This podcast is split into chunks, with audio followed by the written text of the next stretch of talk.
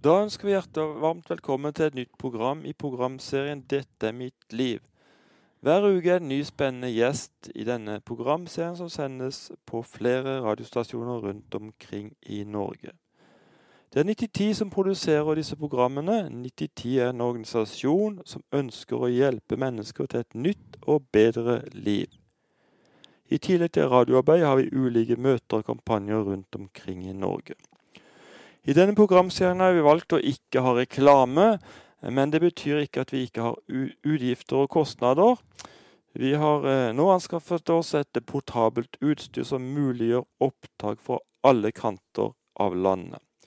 Vi ønsker å reise på kryss og tvers i vårt vakre land og møte mennesker med ulik bakgrunn som deler sine helt spesielle livshistorier. Om du setter pris på denne programserien og har lyst til å gi en gave, kan du vippse et beløp til 23 23 8, 23 23 8, eller du kan benytte vår bankkonto 3032 62 444 3032 62 444. Om du ikke fikk med deg dette, så gjentar vi det i slutten av programmet. Nå skal vi rette vår oppmerksomhet mot dagens gjest. Hjertelig velkommen til oss, Wenche Egeland. Takk. Du har mye spennende å dele, men kan ikke du starte helt i begynnelsen fra ditt liv og fortelle hvor du ble født og oppvokst? Jo, det kan jeg. Jeg er 57 år og pleier å si om meg sjøl at jeg er veldig norsk. Og grunnen til det er at jeg er født i Ålesund. Det kan du ikke høre. Nei. Og så har jeg en mor fra Ålesund og en far fra Nord-Norge, og vi veksla litt med å feriere i nord, så jeg var nordlending hver eneste sommer. Så vi til, flytta vi til Østlandet og ble østlending, og så ble jeg sørlending. Så derfor så er jeg veldig norsk. Når kom du til Sørlandet? Jeg kom til Sørlandet i 1970. Ja. ja. Så det har jo vært her mest, kan du si. Så du er totalomvendt på dialektenkjøret? Ja, så godt som. Så det, jeg kan nok slå over, men eh, eh, jeg er nok sørlending i dialekten, og så er jeg kanskje litt mer eh, vestlending og nordlending i sjel og sinn. Ja. Så det er jo en spesiell blanding. Så bra. Mm. Du var ikke alene når du vokste opp? Det var jeg absolutt ikke. Jeg vokste opp med Vi er syv søsken. Eh, og jeg kom som nummer to i en stor familie, og har da fem stykker som eh, har under meg. Og det er jo litt eh, en opplevelse, det også. Opplevde kanskje at eh, det er noe med dette her at når du vokser opp og får et gudsbilde, så, så tar du det med deg hele veien. Og litt av det jeg opplevde med å vokse opp i en så stor familie, var at jeg var jo veldig snill når jeg kunne ta meg av alle disse småsøsknene mine, og fikk veldig skryt. Og det Derfor så ble jeg veldig sånn fort snill pike. Eh, og når mamma og pappa syntes det var veldig ok, så tenkte jeg jo at Gud òg syns at det er veldig ok at jeg bare gjør det jeg får beskjed om og skal gjøre. Og så vokste jeg jo opp i den tida med munte, ikke sant, med alle disse sangene 'Vær forsiktig, lille fot', og 'Lille øye', og 'Lille hånd'. Så du får jo et spesielt gudsbilde. Jeg, jeg, hadde en veldig Jeg har en veldig god far. Han jobba vekke, for han jobba på anlegg og var dykker. Så han var ikke så mye til stede. Eh, men eh, den, det, det gudsfarsbildet som jeg fikk gjennom søndagsskolen, var jo at det satt en far, en stor far oppe i himmelen, som pekte på oss og fulgte med på hva jeg gjorde og ikke gjorde. og og det har nok forma meg kanskje mer enn jeg egentlig trodde. Var han slem, den her eh, mannen? Han var ikke det. Eh, han, var en, han, var god, men samtidig litt sånn, litt sånn frykt for han. Mm. Sånn at eh, jeg var nok veldig bevisst på å følge regler og være snill pike. Mm. Frelsesarmeen, sier du. Mm. Eh, var det uniformer og sånt, da? Det var uniformer. Så da var jeg veldig Vi vokste opp i Frelsesarmeen, og det var uniformer når vi gikk på junior, og det var uniformer når vi gikk på speideren, og forskjellige uniformer. Og vi var veldig synlige i, i landskapet. Åssen var det? Eh, det var litt både òg. Jeg var nok ei beskjeden jente, så jeg trengte jo ikke si hvor jeg kom ifra og hvor jeg skulle, for det kunne jo alle se. Eh, så, så det var nok eh, Jeg vet ikke. Jeg følte nok når jeg i, ungdomstida mi gikk over til, til pinsen, så følte jeg det var deilig å kunne slippe den uniformen. Eh, men jeg hadde sikkert veldig godt av det. Mm. Men du stakk det litt ut, og du ble ikke mobba og sånt? Nei, i grunnen ikke. Det og det kanskje hjalp det at vi var mange søsken. Vi var tett på i alder og, og var jo en hel flokk. Så det hjalp nok veldig godt, det. Mm. Og så er jo sånn at Frelsesarmeen er jo en organisasjon som, som er, er, veldig godt kjent og Mm. anerkjent eh, langt utenfor de kristne rekkene. Hvorfor tror du det er sånn? Det er vel alt det sosiale arbeidet de gjør. Alle de, alle de menneskene som de gir hjelp til hele tida, så gjør de jo et kjempearbeid. Mm. Det gjør de. Det er de virkelig, altså. Ja, du eh, nevnte at du hadde mye ansvar eh, som barn for dine fem søsken. Var det tyngende, eller? Nei, egentlig så følte jeg ikke det. For det at eh, jeg fikk så mye skryt av å, å bidra, så, så det føltes ikke som noe tyngende. Det gjorde det ikke. Så um, det var Og i voksen alder så har jo det å kunne ta på seg ansvar ikke vært noe som jeg har vært redd for. Det har heller vært noe som Ja, det er helt topp. Så det har du liksom tatt med deg helt fra barndommen. Mm, Det er jo veldig bra. mm. Ungdomstida, som var den? Ungdomstida var ei tid med, med veldig mye opplevelser. Gudsopplevelser. Eh, var på leirer, og vi møtte Gud, og som ungdomsflest så er vi jo veldig svart-hvitt, så det enten går du for det, eller så går du ikke for det. Eh, og hadde veldig mye spesielle opplevelser i ungdomstida. Som nok gjorde at eh, når jeg i begynnelsen av voksenlivet ble opptatt av både hus og mann og barn og alt sånt, så, så var nok de opplevelsene der de som holdt meg inne i gata, kan du si. Så eh, hadde jo en veldig spesiell opplevelse når jeg ble åndsfylt som 14-åring. Ja, må fortelle. Ja. Det var på en påskeleir sammen med mine foreldre, og, og um, ble bare fylt av sånn latter. Ja. At uh, han her eh, stakkars predikanten eh, som, som var der på den påska Jeg kunne ikke se på han før jeg bare kjente det kom ifra magen. En sånn en frigjørende latter. Uh, og um, det slo meg jo aldri da, men kanskje nå i voksentid så har det jo slått meg litt Hvorfor, hvorfor Gud lot du meg oppleve det med latter? Men så tenker jeg det var kanskje en frigjøring i forhold til, til, til eh, hvordan jeg hadde sett på han. At det var så veldig viktig å være helt korrekt og gjøre bare de riktige tingene. Og så fyller han meg med latter. Fantastisk. Ja, Gud er jo individuell. Han ser akkurat de behovene vi har Mm. der og da, og så fyller han noen sånn og noen sånn, og så Mm. det som er akkurat det beste for oss. Mm. Hadde du noen virkeområder i Guds rike når du var ungdom? Jeg var jo med i, i pinsemenigheten i Philadelphia i Kristiansand. Eh, og der var det jo kor, og det var jo mye barnearbeid som vi ble med i etter hvert. Så det, det var jo stort sett noe hele tida. Hva gjorde du etter grunnskolen? Da tok jeg både folkeskole og handelsskole. Og så var jeg jo så heldig, jeg er jo såpass voksen, at eh, jeg var heldig å bli tilbudt jobb. Så jeg har jobba i forhold til regnskap i veldig mange år. Mm. Ja, velkommen tilbake til programmet 'Dette er mitt liv'. Jeg har besøk av Wenche Egeland i studio. Du har jo fortalt eh, din oppvekst i Frelsesarmeen. Du vokste opp i en søskenflokk på syv. Det er ganske bra i våre mm. dager. Men nå, Venke, vil du gjerne ha litt romantikk her i programserien 'Dette er mitt liv'. Du gifta deg da du var 22 år, det er jo ganske ungt, da. men vil gjerne høre ditt aller første møte med din kjære. Ja, det er jo bare så vidt jeg husker, vet du. Det er jo så mange år siden. Eh, Men jeg ble vel kjent med han via en kamerat av han som var veldig interessert i meg. Og så oppdager oppdaga jeg kameraten istedenfor. Og eh, så at det var noe med den gutten som gjorde at jeg ikke Det var et eller annet der som var, var noe spesielt. Så det var vel sånn vi egentlig begynte å kikke litt på hverandre, og så gikk det slag i slag. Så herlig. Mm. 22 år, det er ganske tidlig, det. Ja, vi traff hverandre når vi var 19, så vi hadde jo hengt i hop i tre år. Eh, så ja.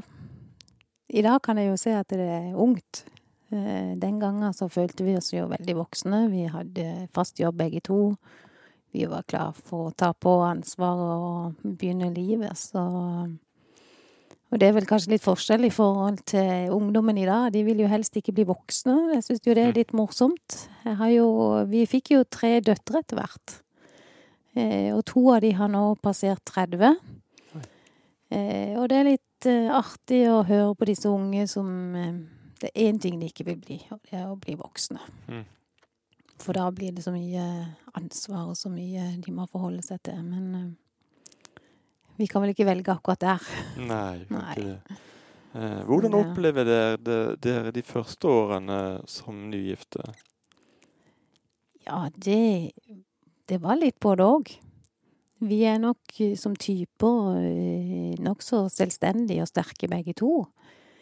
Så jeg hadde en periode som jeg til slutt så sa jeg du, hallo. Skal vi være på team, eller skal vi konkurrere? Mm. For det var, det var Jeg følte i perioder så var det litt eh, konkurranse. Eh, Så har vi blitt et godt team etter hvert, eh, med mye frihet og raushet. Er jo med i Kvinner i nettverk og både jobber og har det som tjeneste, og reiser jo en god del med det.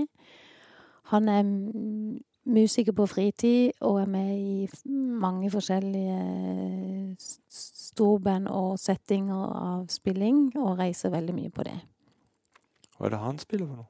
Han spiller eh, trombone er hovedinstrument, og så spiller han althorn og trompeter. Og Ja. nå var han på reise, var det ikke så? Nå er han faktisk i Kina i to uker. Ja. Tredje år på rad, rett før jul. Jeg vet ikke om jeg har nådd eh, limiten akkurat nå på at det er litt kjedelig rett før jul. Eh, Men eh, han er med i et internasjonalt storband. Og der eh, er det julekonserter som slår inn på andre sida av jorda. Det er liksom lett å formidle evangeliet. Eh, Det er mange der som feirer Christmas, og uten å vite hva er det egentlig vi feirer. Så det er en fin mulighet. Og han koser seg. Han er i sitt ess. Fantastisk. Mm. Så bra. Eh, dere fikk raskt barn. Ja, jeg fikk vel førstemann når jeg var 25. Eh, og så gikk det tre år til, og så kom nummer to, og så gikk det seks år, og så kom nummer tre. Det var vel travelt da i småbarnsperioden. Ja, det, det Nå var jeg jo heldigvis eh, ung eh, i den tida hvor det å kunne jobbe deltid var helt OK. Det er jo litt eh, politisk ukorrekt Mhm. for tiden. Eh, men jeg takker både Gud og mennesker for at jeg fikk lov til det. Jeg syns eh, småbarnstida er travel, og du skal liksom håndtere veldig mye, så, så ja. Du, du overlever på en måte. Mm. Mm. Hvordan var livet i Gud i denne tida? Det var egentlig nokså fasade, følte jeg. Eh, og faktisk så var det ei Vi hadde barnevelsignelse for minstemann. Og da var det ei av disse konene til en av de eldste brødrene i menigheten som, som jeg kjenner godt, som sa til meg etterpå Og dere så så fine ut der oppe som dere sto.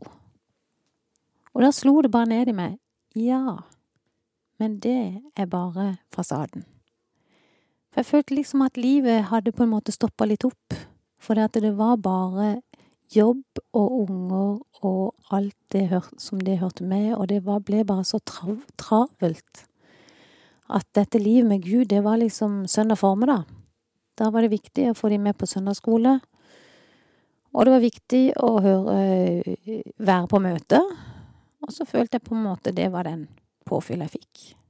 Og det som jeg har sagt mange ganger etterpå, at jeg hadde spist bare en biff hver søndag, så hadde jeg jo blitt tynn etter hvert.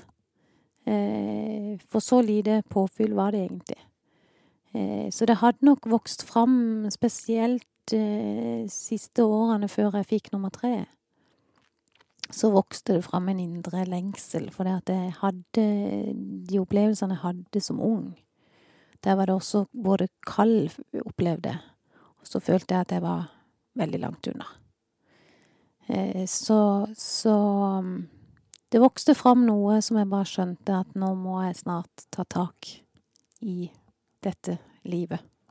Ja, hva skjedde Mm. egentlig? Ja, det var vel denne tomheten, egentlig. Jeg følte at det, eh, selvfølgelig så var det fantastisk å både bli gift og få hus og hjem og barn. Eh, men jeg visste bare på innsida at det var noe mer. Eh, og jeg hadde vel Når jeg ble åndsfylt som 14-åring, så hadde egentlig hele familien vår en veldig sånn åndsopplevelse og fornyelse. Og det skjedde veldig mye positivt i familien. Og min far ble veldig møtt av Gud, og, og begynte egentlig et veldig sterkt bønneliv.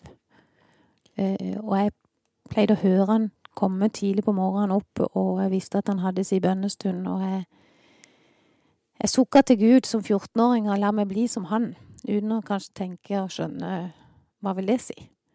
Uh, og det var kanskje noe av disse bønnene som begynte å, å komme tilbake. At eh, det ligger noe mer her. Og jeg hadde også en opplevelse av å, et kall til å forkynne evangeliet. Eh, og jeg følte jeg får ikke gjort noen ting, for jeg, jeg lever ikke der jeg skal. Så, så det var vel summen av alt dette som gjorde at jeg til slutt kom til at jeg nå må jeg ta noen nye valg. Mm. Du fortalte i den musikalske pausen vi hadde, at din far var Hilbert Norheim. Mm. Og han er jo bønneleder i Kristiansand. Det er en mann som jeg virkelig har stor respekt for, så det var veldig artig å høre. Han Mm. han er jo en mann med Virkelig Guds mann, vil jeg si. Sånn opplever jeg han. Eh, Åssen var det å vokse opp med Hilbert Norheim som far? Han er en god pappa. Det er han. Det som var forandringa når han virkelig møtte Gud, det var at han, han ble veldig til stede. Han reiste jo Han var jo dykker i, i sitt yrke, så han var jo mye på anlegg. Men når han var hjemme, så var han veldig til stede, og han ble veldig, veldig kjærlighetsfull. Og var kanskje ikke så flink til å uttrykke sånne ting før han, han møtte Gud. Men etterpå så, så så har han vært mye, mye mer der. Eh, og ellers så er han full av humor, som kanskje mange ikke helt eh, tør å forstå og tro. Men, men eh, jeg har hatt en god oppvekst med både god mor og god far. Mm. Ja, det skjedde noe altså når du var 34 år gammel, så fikk du en åndelig fornyelse. Mm. Eh, Kan du bare dele litt eh, mer? Ja, jeg var på et eh, Jeg var i Sandsdal på stevne. Og der var det Jeg tror nesten det var første gang de hadde kvinnemøte. Og eh, jeg satt på dette møtet og hørte på ei, forkynner som bare levde med Gud, og bare delte ut ifra fra livet sitt. Hvordan hun tok Gud med i hverdagen på absolutt alle ting. Og så tenkte jeg hun lever. Jeg bare eksisterer i forhold til dette. Eh, Så der og da så tok jeg en beslutning at eh, ok, Gud, jeg skal sette deg på førsteplass. Og det kan jo høres fint og flott ut, men det var en veldig snuoperasjon. Eh, Jeg oppdaga vel at han var langt ned på lista, og det krevde egentlig en bevisst handling hver dag i mange, mange, mange måneder. Men det er vel kanskje det som har forandra livet. Det kan jeg si i dag. Eh, Det å Og, og jeg fant ut at eh, minstejenta var et år, og hun sov en time midt på dagen. Så de dagene som jeg hadde fri og kunne være hjemme, så bare sa jeg til Gud OK, den timen skal du få. Og de dagene jeg jobba, så fant jeg ut jeg må bare stå opp før alle andre sto opp, og så må jeg bare sette meg ned, og så må jeg bare gi Gud den timen. Og jeg hadde, som, du, som jeg har sagt, eh, vært ei snill pike, og fasaden har vært i orden. Men da følte jeg alt. Det kom bare inn i et lys som gjorde at alt rakna. Så egentlig så satt jeg nesten bare og grein over meg sjøl og min egen tilstand i mange, mange måneder. Og jeg husker de andre jentene mine som, som var både seks og ni år, de, de lurte på 'mamma, hva gjør du om kvelden?' For plutselig så var TV-en av, det var lovsang, det var ikke disse såpeoperaene som var livet, liksom. Eh, og de merka nok at det skjedde en forandring. Eh, og det å få lov til å bare prioritere Gud og se hvordan han tar hånd om alle ting, og føre deg inn i prosesser som, som forandrer det, det har vært en mektig reise, syns jeg. Mm. Ja. Å henge opp tøy er jo ganske så hverdagslig, men du hadde en spesiell opplevelse? Ja, det hadde jeg. Etter, etter noen måneder hvor jeg bare hadde Og det var vanvittig å skulle prioritere. Det blir jo som om du skal begynne å trene, eller du skal slanke deg. Du må liksom være på det hver eneste dag. Men etter noen måneder eh, hvor jeg hadde prioritert dette, så sto jeg på vaskerommet, kan du tenke noe så kjedelig, og hang opp tøy. Og så kom Guds nærvær. Og det bare strømma igjennom meg på en sånn måte at jeg kan, jeg kan fysisk kjenne det når jeg snakker om det. Og flere andre sånne opplevelser. Jeg kunne stå med kjøkkenbenken, jeg kunne vaske opp, jeg kunne holdt på med ungene, og plutselig så bare kjente jeg at Gud var bare så nær. Eh, og det Livet blir noe helt annet når du kjenner Guds nærvær. Det, det er bare helt Ja. Mm. Så det er virkelig verdt å prøve, for å si det sånn. Hvis en ikke har prøvd det, å søke Gud, så er virkelig det å komme på linje med Han som er kjærligheten. Det er bare helt fantastisk. Mm. Og etter den opplevelsen da med en ny begynnelse på en måte i, i livet, sånn sett, da, så, så sier du at eh, kallet og tjenesten kom tilbake. Men hva besto kallet i? Kallet besto mye i å forkynne Guds ord. Eh, så, så, etter hvert så kom jeg jo med i Kvinner i nettverk, og, og har vært med både i lederteam der og også med som forkynner. Eh, og det å få lov til å kunne dele av det som Gud har eh, gitt meg, det er veldig inspirerende. Jeg Pleier som regel å takke når jeg er rundt forbi og forkynner, for det at de har invitert meg til å komme, fordi at jeg blir så inspirert av å få lov å, å forberede meg så, så, jeg kjenner en veldig glede over å kunne dele ordet. Det gjør jeg. Velkommen tilbake til Dette er mitt liv.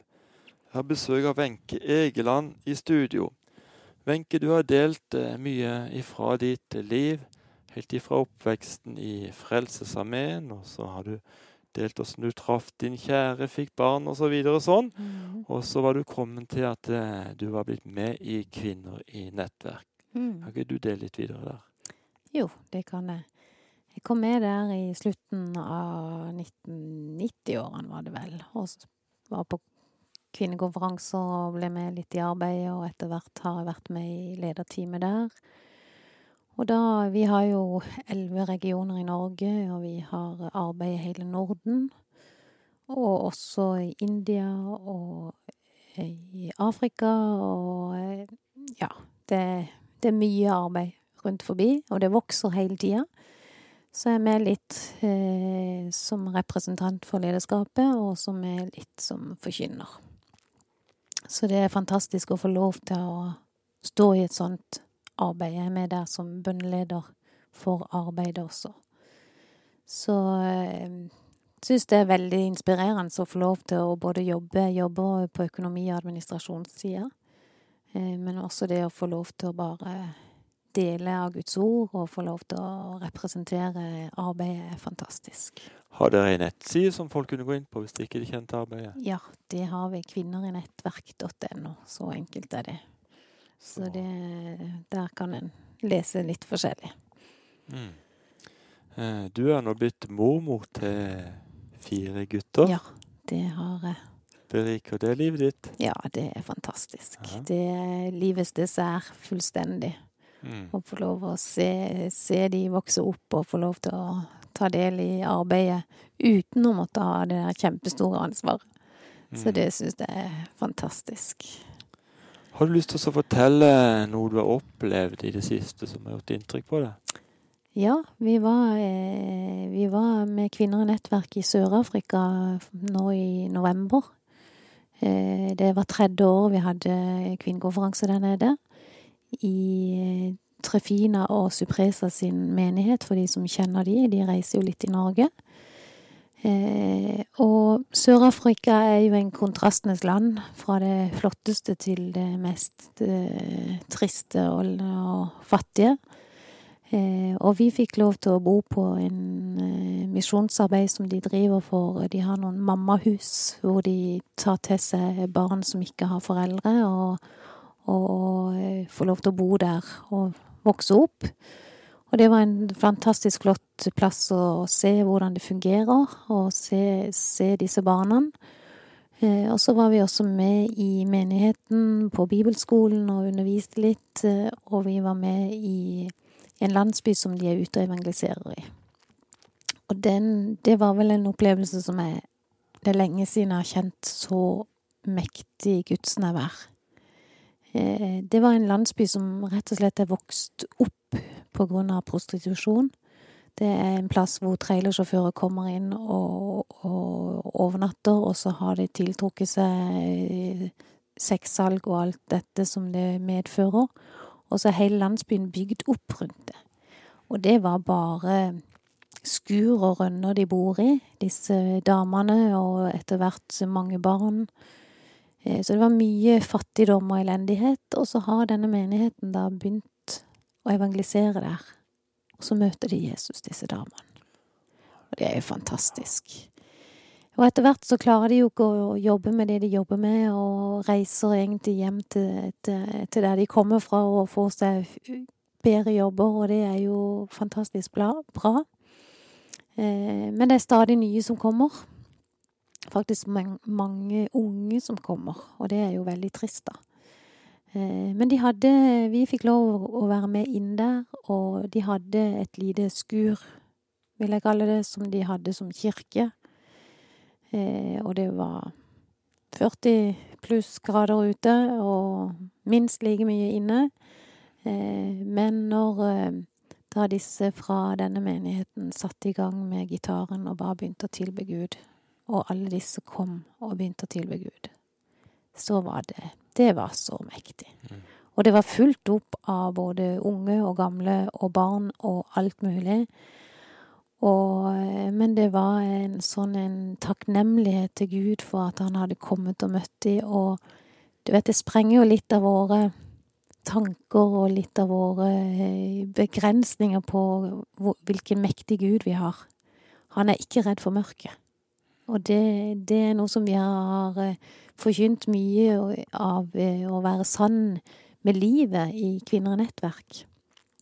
Og det er klart at det sprenger litt av våre tankeganger, og også når du da er i en sånn en setting hvor, du, hvor det er så tragisk, og så ser du at Gud bare kommer fordi han elsker så høyt.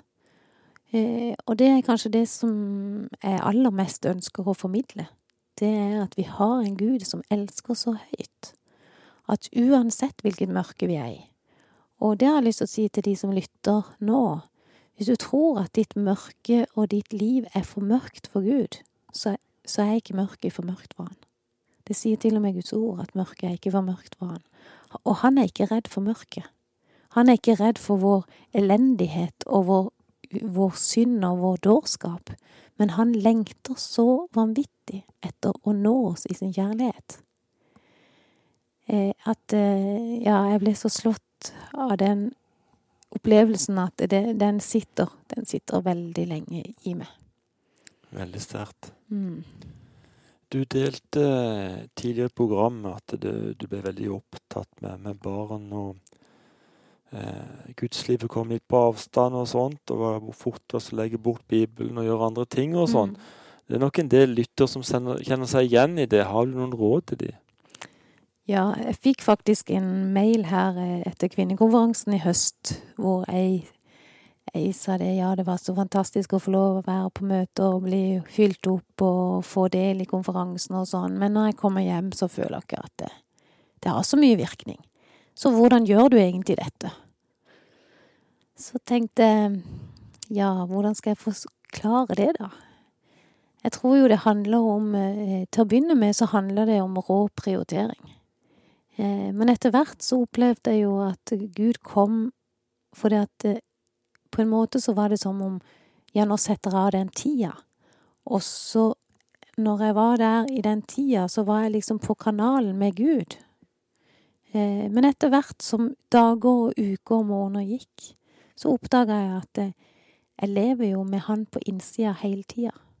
Han bor jo der inne. Og det er jo det som er fantastisk. Det er jo julens budskap nummer én at Frelseren kom. Og han kom ikke bare som et lite barn, og så bare forsvant han igjen. Men han flytter faktisk inn når vi tror på han. Og det å få lov til å være bærer av Gud inni oss Sånn at uansett hvor jeg måtte være, om jeg er i bilen eller på badet eller i, på Priksen eller på øh, Så er han jo sammen med meg. Og eh, jeg kan ha en dialog og være på nett med han hele tida.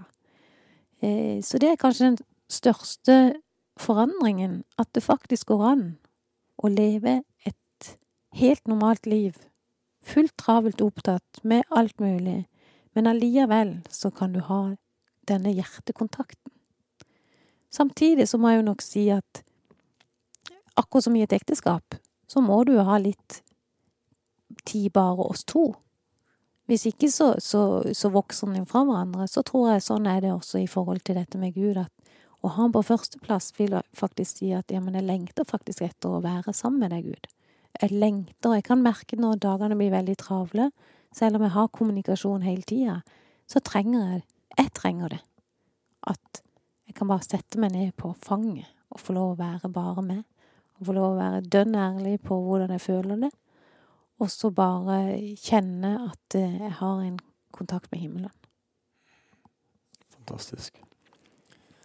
Jeg må nesten spørre deg, hva gjør du om ti år? Da er jeg travelt opptatt med å formidle Jesus i hele Norges land og vel så det. Det tror jeg. Så herlig. Mm. Mm. Har du lyst til å komme med en eh, hilsen til lyttere sånn personlig? Det, vi har mange lyttere som jeg vet sitter og sliter og har eh, psykiske og fysiske utfordringer mm. i dagliglivet. Ja, og det er at Gud er kjærlighet. Det er ikke bare noe han av og til har fordi han er i godt humør. Men Gud er kjærligheten.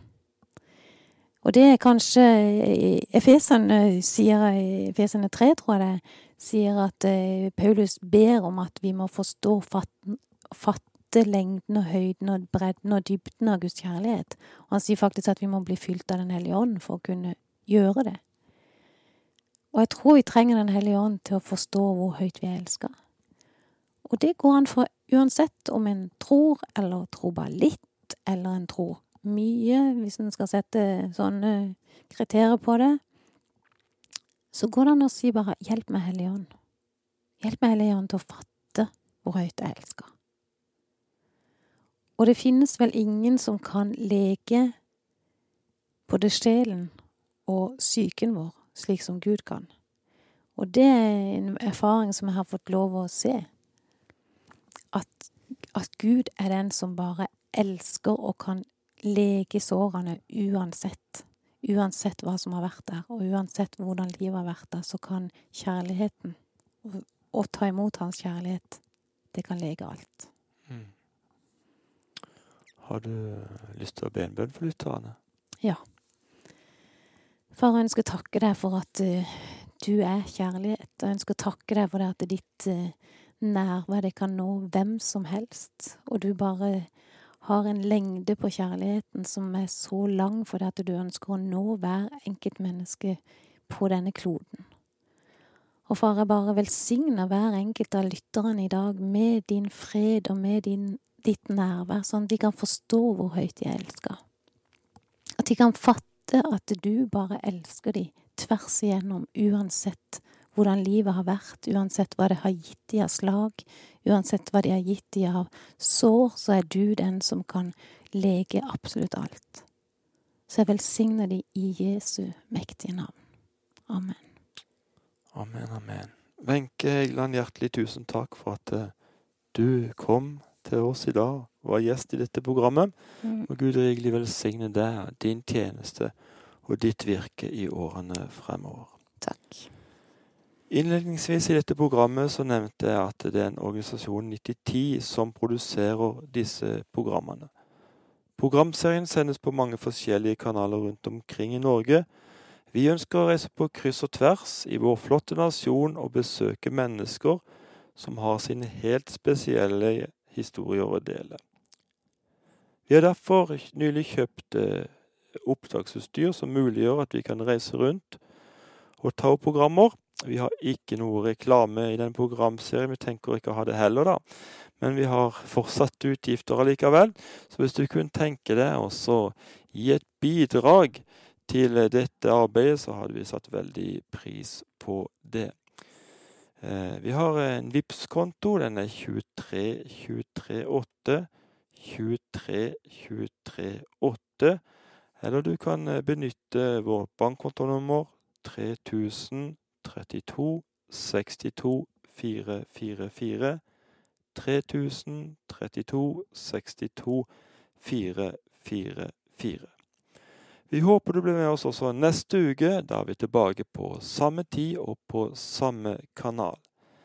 Tekniker i dag har vært Jarle Fjelstad. Mitt navn er Jørgen Reinersen. Følg gjerne vårt arbeid på vår hjemmeside 9010.no.